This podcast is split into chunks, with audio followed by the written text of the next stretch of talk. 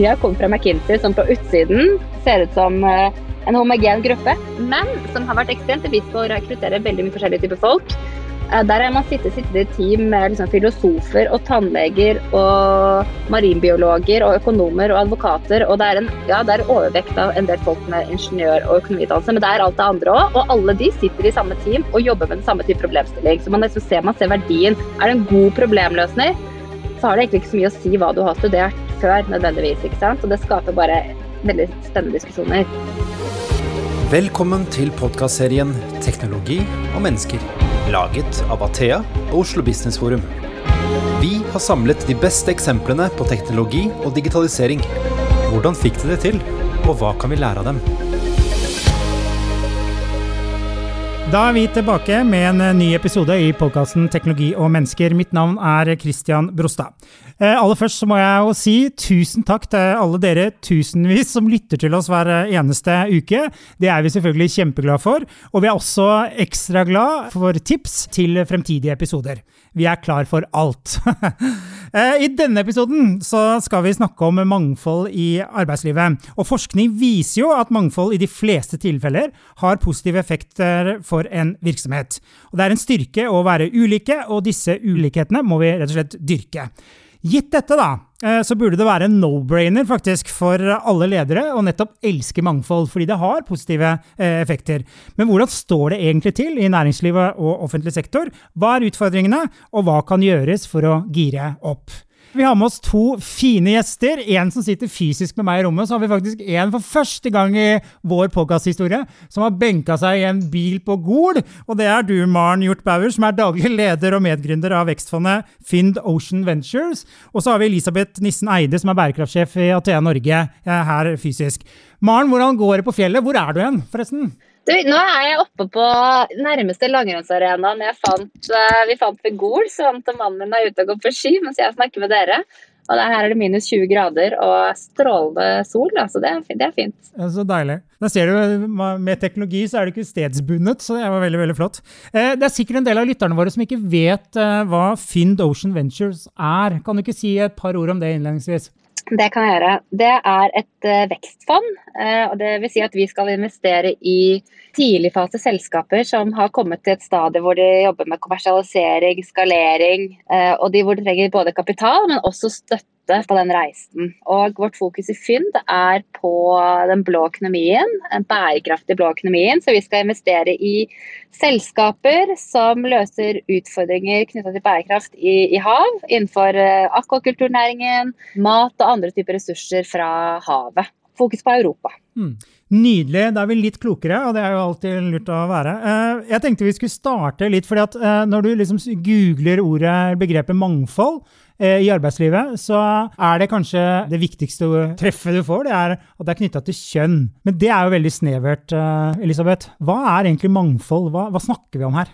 Mangfold er det som du nevnte innledningsvis òg, en enorm styrke fordi vi er ulike, og det er veldig positivt.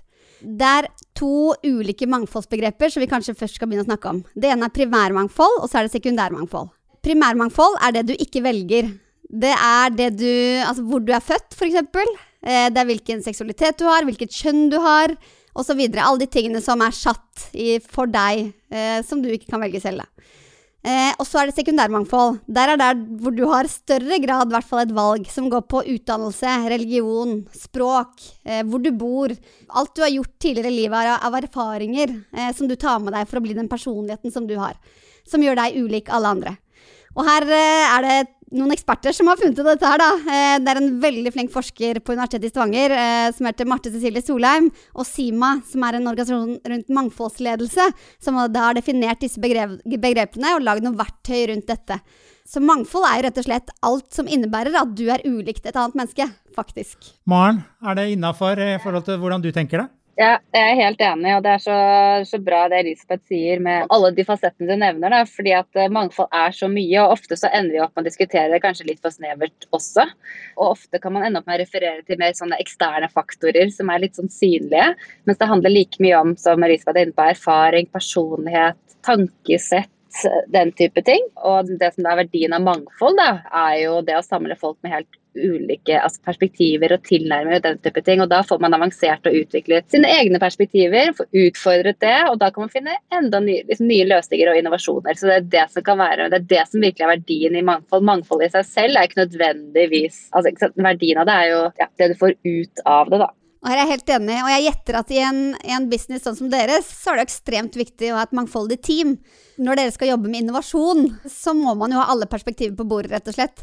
Hvis ikke så kan man ikke konkurrere i en sånn bransje, sikkert? Definitivt. Og så, ja, når, du, når du er inne på det, da, det, det, det jeg holder på med, som er jo investeringsvirksomhet, så er jo det en um kan være relativt homogen gruppe eller eh, folk da, som jobber med, med, det. Og det er liksom historisk, og du får sånne, en sånne følgefeil. ikke sant? Fordi man har eh, Historisk har det vært en viss type folk kanskje som har vært tiltrukket av det feltet, og så henger det igjen.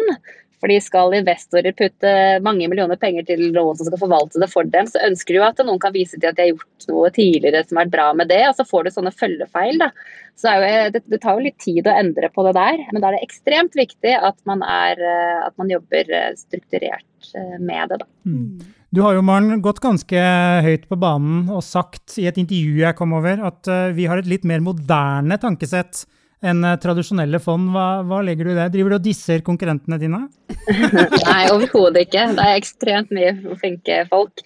Det, det Sitatet fra DN ble jo tatt litt sånn, det blir jo alltid litt spissa på. uh, og der ble det tatt i en eller annen kontekst, det ble fokus på kvinner. Uh, men det var ikke mitt hovedbudskap. Mitt hovedbudskap var egentlig at jeg ser veldig viktigheten av dette her med å bygge økosystem, bygge en delingskultur, jobbe med å, å løfte frem andre, være raus, dele erfaringer og kunnskap, og på den måten bygge et nettverk av folk som også bidrar tilbake, og være kanskje mer transparent og åpen. da i det å bygge, bygge selskap. Uh, og det er jo det jeg har jobbet med både Jeg si, jeg startet min karriere i McKinsey, og så kan du si at utenfra så ses det nok på som en litt sånn homogen gjeng. Men jeg kan komme litt tilbake til det, for det er jo en til Norut rekruttering der som er ganske spennende. Men der er det ekstremt fokus på dette her å dele. I Catapult Ocean, som jeg har bygget og ledet tidligere også, så har vi vært veldig fokusert på det her å dele data. Dele pipeline av selskaper. La oss jobbe sammen for å få til noe, da. Og det blir så mye mer effektivt. Det var en av de temaene jeg fokuserte på. Egentlig tenkte på dette her med et mer moderne tankesett. Eh, og det andre er jo dette fokus på bærekraft som eh, jeg har vært veldig opptatt av lenge. Og når vi bygger et forvaltningsmiljø som Finn fra scratch, og hvor jeg, har, jeg og de jeg jobber med har impact og bærekraft i ryggmargen, så bygger vi det som en liksom integrert del av alt. Da. Mm. Og det er jo annerledes. Et annet utgangspunkt som jeg tenker er bedre enn hvis man har et miljø som ikke har tenkt på det, og som man så skal gjøre grønt. Det er i hvert fall en mer krevende reise. Så det mm. var egentlig de temaene jeg tenkte på rundt der. Og inni det så kommer mangfold også inn, for det tror jeg er noe som vil fremme begge de, begge de tingene. Da. Jeg sitter og tenker egentlig akkurat det samme som du sier, at kanskje det er enklere når man skal starte noe fra scratch og begynne med mangfoldsperspektivet, enn å snu på en måte et stort selskap eh, med x antall tusen ansatte, hvor det er kanskje mange av disse følgefeilene som du sier. Jeg er jo i tech-bransjen, eh, og der er det kanskje spesielt en utfordring rundt kjønnsmangfold. Nå skal vi ikke kun snakke om det i dag, men det er en utfordring. Og det er kanskje fordi at de som nå sitter i, i ledelsen i tech-selskaper, er de som fikk mulighetene for å bli ledere for ti år siden. Og nå har de bygget seg opp til å bli topplederne. Det er en ganske gradvis reise, dette her. Men da, vi kan ikke vente med å gjøre de grepene hvis vi skal ha et mer mangfoldig samfunn om fem eller ti år, som vi er nødt til å ha. da.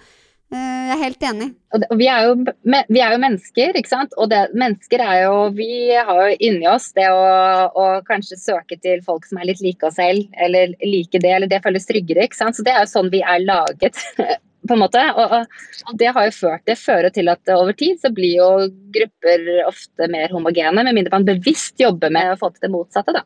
Eh, det, det, finnes jo en del sånne rangeringer, indekser osv. Eh, som eh, tar for seg ulike perspektiver da, med mangfold. Og det er vel kanskje umulig å ha en oversikt over hvordan det står til i Norge. Men Maren, ditt inntrykk av hvor gode Norge er på mangfold, hvis vi liksom ser det litt, de store linjene, eh, hva vil du si da?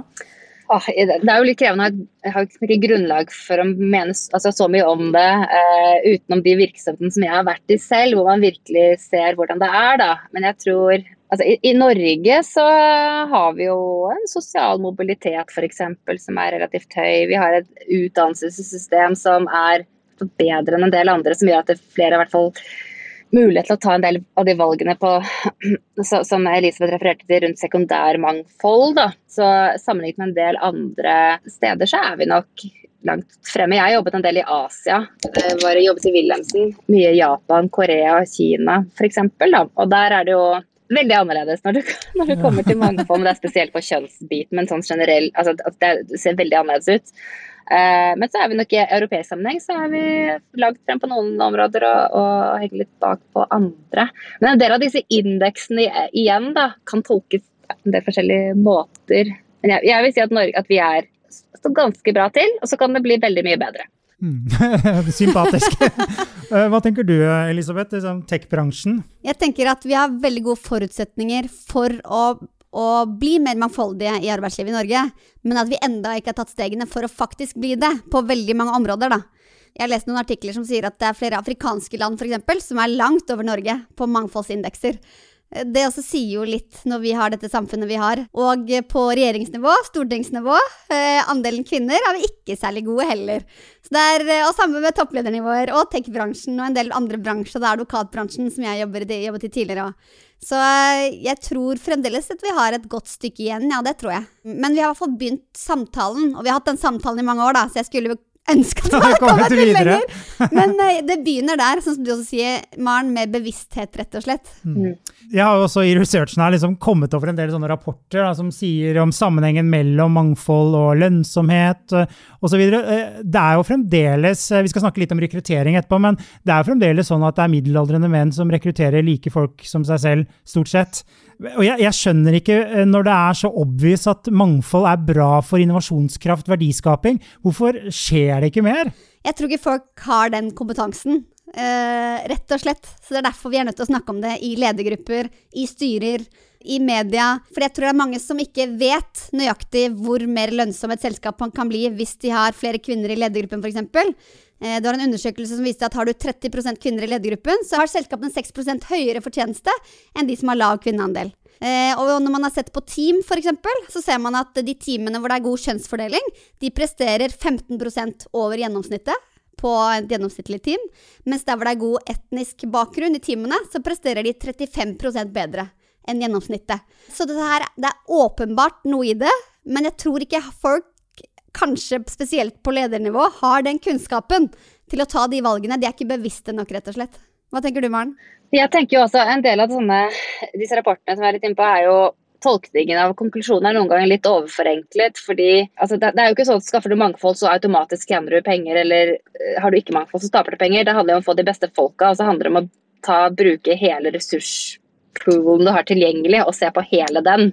Og da kan du finne de beste folka. Liksom, og, det, kan være mangfold på mange måter. Ikke bare, ikke ikke bare, det er ikke bare at får du kvinner inn, så har det noe å si deg med at du får, du får, inn, bedre, du får inn bedre folk. Fordi at du, du ser på flere, flere talenter. Så det øker talentpoolen. Det er liksom en viktig greie. Eh, og det er på om det er kvinner, om det er etnisitet, religion eller hva, hva, det er for noe. Bakgrunn også. Og, og jeg tror at, igjen som jeg var inne på, at dette her med evnen til å ta bedre beslutninger i business. Det henger sammen med at du får flere perspektiver inn, og du får utfordre deg selv. Og da får du bedre innsikt, og da klarer du å få til mer. Eh, og det klarer man best hvis man har folk som tenker forskjellig. Hvis man har fem av seg sjæl, så trenger man egentlig bare seg selv. Man trenger jo ikke de fire andre. Så det er jo litt det er, viktig inn der, da. Eh, ja, og så er det mye morsommere å jobbe med mange, altså, i et team hvor folk er litt ulike og forskjellige. Da. Det er jo mye, det er mye morsommere, syns jeg i hvert fall. Da. Så kan det noen som syns det kanskje er litt skremmende og litt skummelt og litt uh, sånn. Da, hvis man syns det, så er man kanskje ikke et selskap som er klar for å innovere og liksom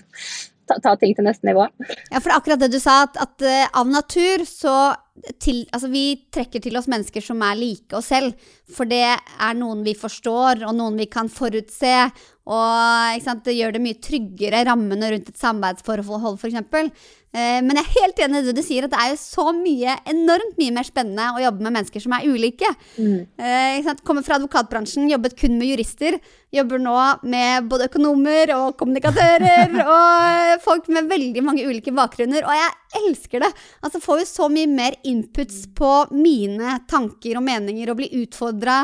Så jeg tror jeg også utvikler meg jo mye mer som person nå, når jeg kan bevege meg den type team, da. Mm. Så ja, vi må, må, rett og slett skape den bevisstheten for de som nå sitter og rekrutterer, og rekrutterer de som er like seg selv, da. Mm. Ja. Jeg kan bare si sånn én på det også, at vi i Catapult Ocean, som jeg drev tidligere, som er jo et akseleratorprogram og såkornsfond, da, hvor vi investerer i selskaper, ti, veldig tidligfaste selskaper fra, fra, hele verden. Der har vi investert i 22 selskaper fra 14 forskjellige land. Og disse, disse gründerne, gründerteamene kommer da til Oslo, det gjorde de før tre covid i hvert fall, og var her i tre måneder. Og da satt vi i Kongens gate tolv forskjellige team fra Kenya, Myanmar, UK, Norge, Costa Rica rundt omkring. Og bare den derre i tre måneder sitte sammen og jobbe sammen. Alle jobbet med havet, hadde en passion som var lik, men veldig forskjellige, helt forskjellige bakgrunner. Forskjellige referanserammer. Bare den energien og hvordan man klarer å få til ting der og hjelpe hverandre på tvers, er jo bare i praksis viser verdien av det der, da. Så det er helt, helt tydelig. Og vi må snakke om rekruttering. Fordi at Én uh, ting er jo liksom den legacyen du tar med deg, altså de folka du allerede har, da, men du har jo en sjanse til å skru sammen team, avdelinger, ledergrupper, uh, når du rekrutterer uh, riktig. Da. Eh, så jeg tenker det tusenkronerspørsmålet her, da, Maren. Hvordan bør man drive rekruttering for å få til det mangfoldet? Stort spørsmål, men vi, vi, må stykke det opp, da. ja, det er jo noen spørsmål, men det er noen veldig enkle grep da, som kan tas. Det handler om, altså først, det starter jo, som vi har snakket med Elisabeth, å være bevisst på det. Være bevisst på de, der, de biasene man har. da med å kanskje enklere like folk som er litt like seg selv, eller, og sånne ting, som man kjenner litt igjen. Eh, men så, så, er det det der å, helt fra, å bevisst søke forskjellige bakgrunner. Litt sånn ja, jeg, jeg kommer fra McKinsey, som på utsiden ser ut som uh, en homogen gruppe, men som har vært ekstremt bevisst på å rekruttere veldig mye forskjellige typer folk. Eh, der har man sittet, sittet i team med liksom filosofer og tannleger, marinbiologer og økonomer og advokater. Og det er en ja, det er overvekt av en del folk med ingeniør- og økonomiutdannelse, men det er alt det andre òg. Og alle de sitter i samme team og jobber med den samme type problemstilling. Så man, liksom ser, man ser verdien. Er det en god problemløsner, så har det egentlig ikke så mye å si hva du har studert før, nødvendigvis. ikke sant? Og det skaper bare veldig spennende diskusjoner. Så jeg tror det der å være bevisst på at man trenger mangfold er et bra startpunkt. Og så er det jo det å, når man vurderer CV-er og søknader, da, ta bort navn og bilde, liksom. Og gjøre det, gjør det helt anonymt, så du kan vurdere det objektivt. Bruk objektive verktøy som vurderer, eh, vurderer eh, altså om det er personlighetstester, men også evnetester. som gjør, Du gjør mest mulig av det som skjer i rekrutteringsarbeidet uavhengig av navn og hvordan folk, hvordan folk ser ut. Da. Det tror jeg er en veldig god start, og det er sånn enkle grep som kan implementeres kjapt. Og jeg er helt enig. Eh, og her tenker jeg man kan jobbe både før rekrutteringen starter, altså i, i prosessen med å legge ut annonser, hvilken bilde man bruker f.eks. Jeg vet at vi har blitt veldig bevisste på å bruke bilder av kvinner. Eh, når covid inntraff, så hadde vi no, en del kampanjer på dette med hjemmekontor. Og da brukte vi bilder med en dame med en baby på fanget. Altså, som jeg fikk en del meldinger fra folk som hadde sett. Da bare Oi, dette var uh, fremoverlent! Veldig kult. Eh, og så kan man bruke algoritmer til å targete ulike grupper, f.eks. Eh, sånn at de som ser annonsen også er de du har lyst til å nå. Som kanskje er det selskapet mangler av erfaring eller bakgrunn eller kulturer osv. Um, så det er jo en måte å gjøre det på i forkant. Og så sørge for at når du skal intervjue noen, så skal du også ha forskjellige mennesker som sitter i det intervjupanelet. da. At det ikke er én person eller to personer som har helt lik, bakgrunn og kulturelle referanser og etc., men at det også skal være et mangfoldig team som faktisk sitter og rekrutterer og er involvert i rekrutteringsprosessen. For da er sjansen for at de tar et valg og tenker utenfor seg og sin trygghet og noen, rekrutterer noen som er helt lik meg selv, det er sannsynligheten for at det skjer mindre, da. Helt enig, Elisabeth. Det er morsomt det du sier med hvordan man formulerer annonser og den type ting òg. Et, et, et, et oppstartsselskap som har vært borti, har jo faktisk jobbet med, med Jeg husker ikke akkurat hva det heter, men, men det selskapet heter, men de har jobbet med en sånn De analyserer tekst, og så har de jo funnet ut av hvordan type tekst som snakker til både kvinner, menn, forskjellige typer altså, forskjellige typer folk, da, for å si det sånn. Og så er det veldig mye av den type ord, ord og måten å formulere tekst på som, man, som man retter seg mot en viss type folk. som ofte er da menn, ikke sant. Eh, og, og, som appellerer der. Så, Så de har utviklet verktøy for å hjelpe bedrifter til å faktisk eh, justere på sine jobbannonser for å være mer appellerende til andre. Så det, det er veldig kult. Viktig, ok. Viktig. Det kan gjøres med teknologi også. Mm, ikke sant. Eh, jeg hørte et eksempel forrige uke på en av oss som en av lederne hos oss som hadde rekruttert eh, akkurat hatt en rekrutteringsprosess. Bare apropos hvordan teknologi kan funke positivt i en rekrutteringsprosess. Eh, han hadde da sittet og intervjuet på Teams, selvfølgelig under koronaperioden, og funnet en knallgod fyr da, til denne stillingen. Så viser det seg etterpå at han sitter i rullestol. Men det var jo aldri synlig i den rekrutteringsprosessen, for den foregikk kun digitalt. Og han, jeg syns det var så kult at han sa det, og var ærlig på det, at det kan jo hende at hadde det vært et fysisk intervju, så hadde man hatt noen ubevisste fordommer eh, eller gjort seg opp noen tanker på at kanskje det vil være noen eh, negative ting her rundt at denne personen ikke er mobil på den og den måten, som gjorde at personen ikke kunne fått jobben. Det var bare så kult eksempel på hvordan teknologien kan bidra til å eh, fjerne noen av de ubevisste fordommene, da. Eh, så det syns jeg var litt kult å høre. Det er, det er veldig bra. Og apropos det, da, med sånn, tenk, måten vi jobber nå bare etter det siste, altså det siste, året på å jobbe, kunne jobbe mer digitalt, den type ting, gjør jo også at man klar, kan klare å få til mer mangfold geografisk også. Ved at det blir mer greiere å kanskje jobbe mer fleksibelt. Det gjelder både på en måte familiesituasjon, det gjelder hvor du er lokalisert, den type ting, da, som åpner for veldig mange flere muligheter for å få til mer mangfold. i Ikke sant, Helt enig. Man må ikke bo midt i Oslo sentrum for å jobbe i et selskap i Oslo. på en måte. Altså, Man kan bo i alle typer distrikter og i utlandet og i ja, andre kontinenter for å gjøre den jobben. Nå, det, nå, nå handler det faktisk om å finne den beste personen for jobben. Eh, uavhengig av hvor den personen bor. Eh, så jeg er helt enig, der ligger det noen ganske kule mangfoldsmuligheter. Da. Og kanskje vi har blitt mer bevisst på at det er greit nå enn for et år siden. Det samme med en person som kan ha en funksjonshemming, som kan jobbe digitalt fra hvor som helst, men kanskje ikke andre ting. Der også tror jeg det vil åpne seg muligheter, og det har noen ubevisste fordommer som har blitt fjernet, basert på det eksempelet jeg fortalte tidligere også. I researchen her også, jeg har lært masse om mangfold. Jeg er jo veldig opptatt av, av det. at ulikheter. Jeg elsker det selv, men nå handler jo ikke dette om meg. Men eh, jeg fant eh, noen artikler om, eh, eh, som omhandlet gründere med innvandrerbakgrunn. At det er bra for mangfoldet, fordi de har en større sannsynlighet for å ansette andre som er ulike dem selv. Hva har vi å lære av det, tenker jeg, for det, det er jo helt ideelt. Litt sånn uh, nystarta virksomheter så starter du med blanke ark, så du kan på en måte lage din egen, uh, eget selskap. da. Men også her, jeg synes det var så fascinerende det må være noe å lære her. Elisabeth, du smiler. ja, dette syns jeg er veldig interessant. For hva er det som gjør det? At uh, gründere med, med, en annen kulturell bakgrunn uh, er flinkere til å velge mangfoldige team. Da tenker jeg det må ha noe med å være at kanskje en majoritet sliter med å se noen av de tingene som en minoritet står overfor. At en minoritet ser den styrken som andre minoriteter kan tilbringe et team, mens en majoritet har vanskeligheter for å se det. Og nå er jeg veldig bevisst på at vi sitter her alle sammen uh, i uh, ja, uh, eh, 30-årene. Jeg vet ikke hvor gammel du er, Christian. du kan ta til deg den. Og er fra Norge. Og, ja. Men fullt mulig det ligger noe i det. Og da tenker jeg da må vi bare lære, rett og slett. Da tenker jeg det burde nesten alltid sitte en, både en fra minoritet og en majoritet og rekruttere. Uavhengig av hvilken type selskap eller gründerselskap eller stort selskap. Ja, og så er det jo liksom det fascinerer jeg tror jeg, Elisabeth er jo inne på noe definitivt der. at Hvis man er en minoritet selv, så er man jo sikkert enda mer obs på, på, de temaene, da, vil jeg jo, vil jeg jo anta også. Tidligere så er det dette her med at dette med mangfold er jo Hvis det er en veldig liten bedrift, da, så er det på en måte Vil jeg tenke at er forskjellig forventning til, til mangfold enn hvis du er en, en bedrift med tusenvis av ansatte. ikke sant? For det er noe med Når du er en liten bedrift, ditt startup eller hva det er for noe, så da må du ha de beste folka. Og så får man klare å tenke diversity inn i det. Men du har Ofte så spiller man jo på nettverk der også, ikke sant? innenfor oppstartsbransjen. Og, man, man, og, det å få folk, hvis folk har en trygg, fast jobb og skal hoppe over, liksom ta steg og kanskje jobbe uten lønn og alt sånt, så handler det ofte om å bruke nettverk. Og du skal, du skal virkelig ha tillit til den personen eller de du blir med da, for å starte noe. ikke sant? Og hvis den tilliten kommer jo kanskje via en langsikt, etter en langsiktig relasjon du har.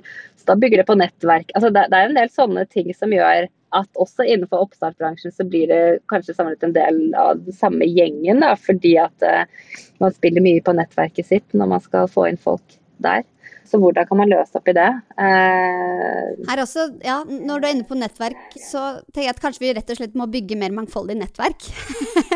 uh, når nettverk har så mye å si, for hvor vi ender opp med å jobbe, og hva vi ender opp med å drive med. Mm. Eh, og her er det jo eksempler på, på mange gode nettverk som man kan oppsøke for å ja, eh, unngå å bare sitte med den som er helt lik deg selv eh, når du skal ut av nettverket på et eller annet event. da. Tenk litt over hvilke arrangementer er det jeg drar på, hvilken, hva, er det, hva er det jeg ønsker å oppsøke her, for å få litt nye innspill og inputs, istedenfor å gjøre det man kanskje alltid har gjort. da. Mm. Og så er jo nettverket i seg selv kan du si at kan også være litt ekskluderende. ikke sant? Å være kan kanskje på en måte, hvis ikke det hjelper riktig måte, så kan jo også det være det motsatte av mangfold. ikke sant? For det er litt enfoldig eh, nettverk. For det er jo igjen, vi til, man tiltrekkes mot samme, samme type folk. ikke sant? I, i, I forskjellige nettverk så er det ekstremt viktig da, å være være obs på dette her. da, Og så er det varierer det selvfølgelig mellom forskjellige nettverk hvor, hvor god man er på det der. da, Men det er, det er, eh, det er nok litt krevende, da. Og, og, så, og så er det forskjellige typer virksomhet vi snakker om òg. fordi at eh, hvis du ser på, på operasjonssalen på Ullevål sykehus, eh, så er det litt sånn der Den gjengen som skal inn og gjøre noe hjerteoperasjon der, den, den speiler ikke nødvendigvis samfunnet. Og det er ikke sikkert det skal gjøre heller. ikke sant? Og så er det annerledes enn hvis du ser på et svært, svært selskap med mange tusen mennesker og masse forskjellige typer funksjoner og alt sånt. Så det er, ja, man må liksom snakke om mang er- mangfold er liksom forskjellig fra om det er tenker du profesjonsstudie eller hva. Altså, ja. Jeg tenker i hvert fall innenfor tech-bransjen, som skal utvikle tjenestene for fremtiden. Mm. Det er tjenester som må være tilpasset hele befolkningen. For Det er det. befolkningen er jo mangfoldig. Det er kun arbeidslivet som ikke har klart å tilpasse seg helt. på en måte. Eh, Så når vi skal utvikle produkter og tjenester, så er det ekstremt viktig å ha alle stemmer rundt bordet. da. Vi har jo sett eksempler på algoritmer for eksempel, som blir utviklet av én type mennesker, eh, som da ender opp med å diskriminere. For det, et, en algoritme klarer ikke å gjøre annet enn den dataen som blir puttet inn. Eh, og blir det feil data puttet inn, og man ikke tenker over eh, konsekvensene, så, eh, så kan det faktisk bli mer diskriminerende istedenfor mindre. Et eksempel her er jo i USA så har de noe som heter Bale Algorithms. Det er en algoritme som skulle finne ut hvem som de arresterte som skulle bli varetektsfengslet. Og den algoritmen bygde jo på data på hvem som har vært varetektsfengslet tidligere. Og det viste seg jo at den algoritmen den var jo ekstremt eh, rasistisk mot både svarte og eh, Mm. meksikanere og ja, andre minoriteter som tidligere hadde vært arrestert i større prosentandel, f.eks. Som ble helt feil. Men algoritme forstår ikke etiske spørsmål. Så her kommer jo riktig type mennesker inn, og ulike typer mennesker inn, som må styre utviklingen av teknologien, tenker jeg. Jeg er helt enig, Elisabeth. Og apropos her hvor jeg sitter nå, i denne bilen med bilsete, så er jo setebeltene i biler er jo f.eks. tilpasset menn. Eh, altså sånn i forhold til hvor de treffer og alt sånt. Også sikkerhet. Så det er farligere for kvinner, eh, eller sånn å generalisere, for det er alle er forskjellige størrelser. Men i snitt så er det farligere for kvinner å sitte i bilen, og blir ofte mer skadet pga. at bilsetene er tilpasset den mannlige kroppen. Og det er jo ikke kjempe-high-tech, men det er, liksom, det er det samme man ser i utviklingen. Mm, og det er Det er det samme man ser i utviklingen av teknologier og kunstig, bruk av kunstig intelligens osv. Så, videre. så det er jo ekstremt viktig å være å ha ja, eh, Mm, eh, enig. diverse, mangfold innom, ja, i de miljøene som Altså overalt, det er- mener jeg da også, men ikke bare ja, men eh, i de miljøene som utvikler løsninger vi kommer til å bruke fremover. Det er også noen gode eksempler som, eh, som jeg har lyst til å trekke frem. McDonald's eksempel. De fronter jo veldig mangfold, og jeg har sagt at her vi kan kun ha ulike bakgrunner hos oss. Vi kan ikke ha én type mennesker. For det er de som skal stå og serve måte befolkningen i de ulike lokasjonene deres, de er så mangfoldige at vi er nødt til å møte de. Eh, så jeg bare liker den approachen de har så, så godt. Da. Og hvordan de også trekker frem og bygger ledere da, med ulike bakgrunner. Og så er det en, eh, et eksempel også som eh, han som vant Årets Oslo-borger eh, for et par år siden, David Adampour. Han har en Rema 1000-butikk i Torgata hvor det er 15 ulike nasjonaliteter. Så de representerer jo virkelig de de skal være med og serve i befolkningen rundt. Og jeg, jeg liker det så godt. Eh, og de har vunnet Great Place to Work eh, flere ganger. Og veldig kult. Hvordan folk trives mye bedre også, da. Både kundene som kommer, og de som jobber der. Det handler jo egentlig bare om å speile kundegrunnlaget ditt, er det ikke Mm, det? ikke? Så enkelt, men kanskje så vanskelig, da. Her er det også noen som har begynt å stille ganske, ganske mye krav, da, eh, når vi snakker om kunde, kundeforhold. Eh, Equinor, Telenor og DNB begynte f.eks. å stille krav til advokatfirmaet de skulle bruke. DNB sa at eh, alle våre rådgivere i advokatbransjen skal være 50-50. De ville ikke jobbe med de firmaene som ikke hadde en godkjønnsfordeling, eller hadde en approach for å jobbe med det. Det er også litt kult. Eh, Det gjorde var jeg med på en prosess før jul, når jeg skulle velge advokatfirma, valgte basert på mangfold og verdiene det selskapet hadde.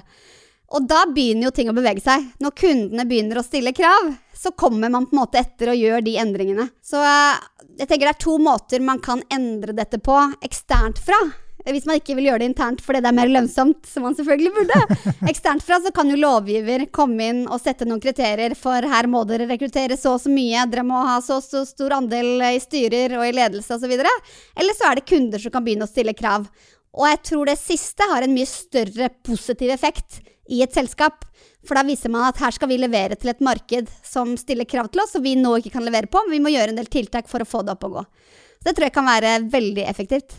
Jeg er helt enig. Og så tror jeg at um, det jeg holder på med med å gjøre investeringer, da, så ser man jo igjen det der at uh, hvis partnergruppen i et investeringsfond har kvinner med i partnergruppen, så er det mye større sannsynlighet for at de gjør investeringer inn i et team med, med kvinner, om det er kvinner ledet eller om det er kvinnelige medgrunner eller hva det er for noe. Og det er jo en sammenheng der, ikke sant. Som er jo det samme som skjer i motsatt tilfelle hvis det bare er menn i en partnergruppe. Der, ikke sant? Mm.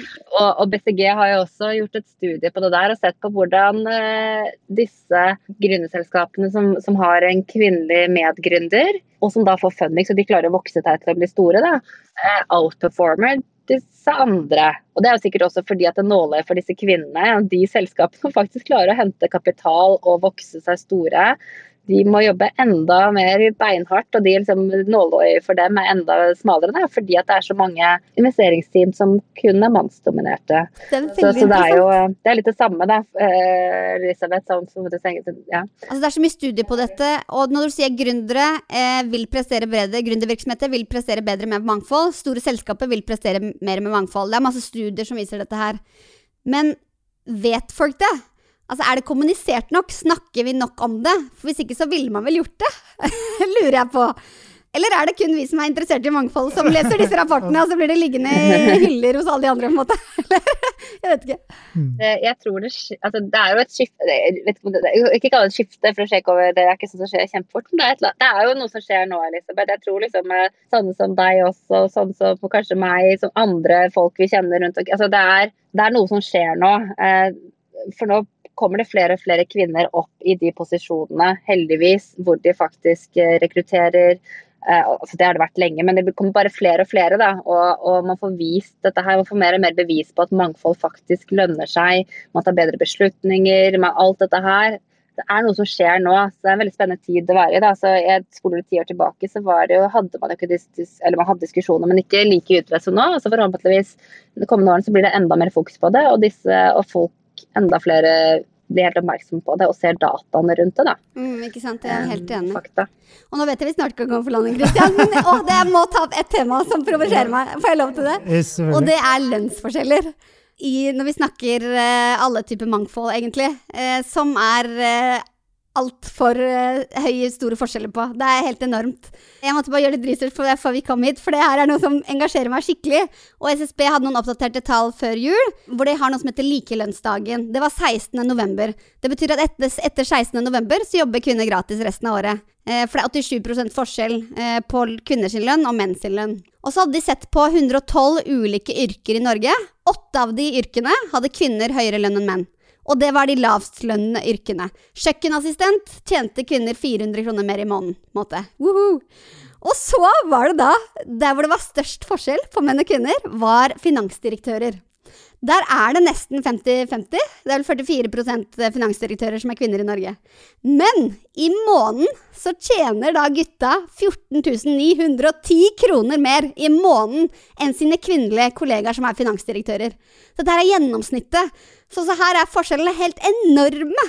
Så her må vi også gjøre noe. Min sjef er eh, økonomidirektør. Jeg skal rett uh, hjem til henne nå og spørre hvordan hun ligger an i forhold til gjennomsnittet. Men her er det noe, også noe vi må ta opp. Altså, hvorfor i all verden er det sånn som det her? At i alle yrker, nesten utelukket, så tjener menn mer enn kvinner. Det er mange grunner til det, men det er også noe vi må til livs. Og det handler heller ikke om kun kjønnsfordeling, det handler om ulike typer mangfold også. Da ble det sagt. Uh, ja, overraskende at det er så stor for, uh, forskjeller. Uh, den debatten må vi jo ta en gang, da, men nå har vi ikke så mye tid igjen. Men alle de som lytter på nå, som tenker at shit, uh, hos oss så står det ikke så veldig bra til. Hvis vi skal komme liksom, med noen få råd hver, hva er det viktigste å ta tak i? Hva, hva, kan man gjøre sånn i morgen omtrent? Elisabeth? Jeg tenker det viktigste er kompetanse. Les deg opp. Eh, sørg for at du har kunnskapen. Noen av de rapportene som vi har nevnt nå, altså grunnen til at dette her er mer lønnsomt, få deg den kunnskapen. Få deg i tillegg kunnskap om hva som skal til i rekrutteringsprosesser. Hvis du leder et selskap eller sitter i ledelsen, hva skal til for at dere skal rekruttere annerledes? Vi har nevnt noen ting her i dag. Og for det tredje, eh, bli bevisst din egen ubevisste diskriminering. For det er kun sånn vi kan ta tak i det og endre oss. Maren, hva hva er dine beste tips? Det er veldig like. Det bra. Har dere snakka sammen? Jeg hadde, jeg hadde rekrutteringsbiten åpenbart, for det, det kan du starte i morgen. Og bare og, og, og sørge for at du er, eh, det er at du har flere, folk med flere bakgrunn som, som møter disse kandidatene. At du, hvordan du utlyser stillinger og hvordan du vurderer det. At du gjør det så objektivt som mulig. Én ting. Eh, Det kan vi starte med i morgen. Ja, nummer to, ekstremt viktig, å være, bare være, ha kunnskap om det å være obs på det selv. Altså. Eh, Det starter mye der, å forstå mange av de temaene vi har vært inne på i dag. Og da tror jeg du bare må begynne på den reisen der, og lese seg opp og forstå det. og og jobbe med det systematisk, rett og slett. Det er så mange andre ting. Man må, man må, man ikke, ja, man må også begynne å jobbe med det systematisk, integrere det inn i prosessene i selskapet. Og, og snakke med andre selskaper også. Igjen, dette her med å ja, snakke med andre hvis, hvis man sitter og er leder og tenker oi, shit, vi, vi får ikke helt dette her til. Strekk ut hånden og snakk med andre som har en tilsvarende rolle et annet sted hvor du ser folk får det til. Da. Spør hva de gjør. Altså, del, del erfaringer og, og hjelp hverandre også. Dette er jo noe som uh, vi må få til sammen. Gode tips, og da skal vi over til vår faste spalte. Digitale vaner.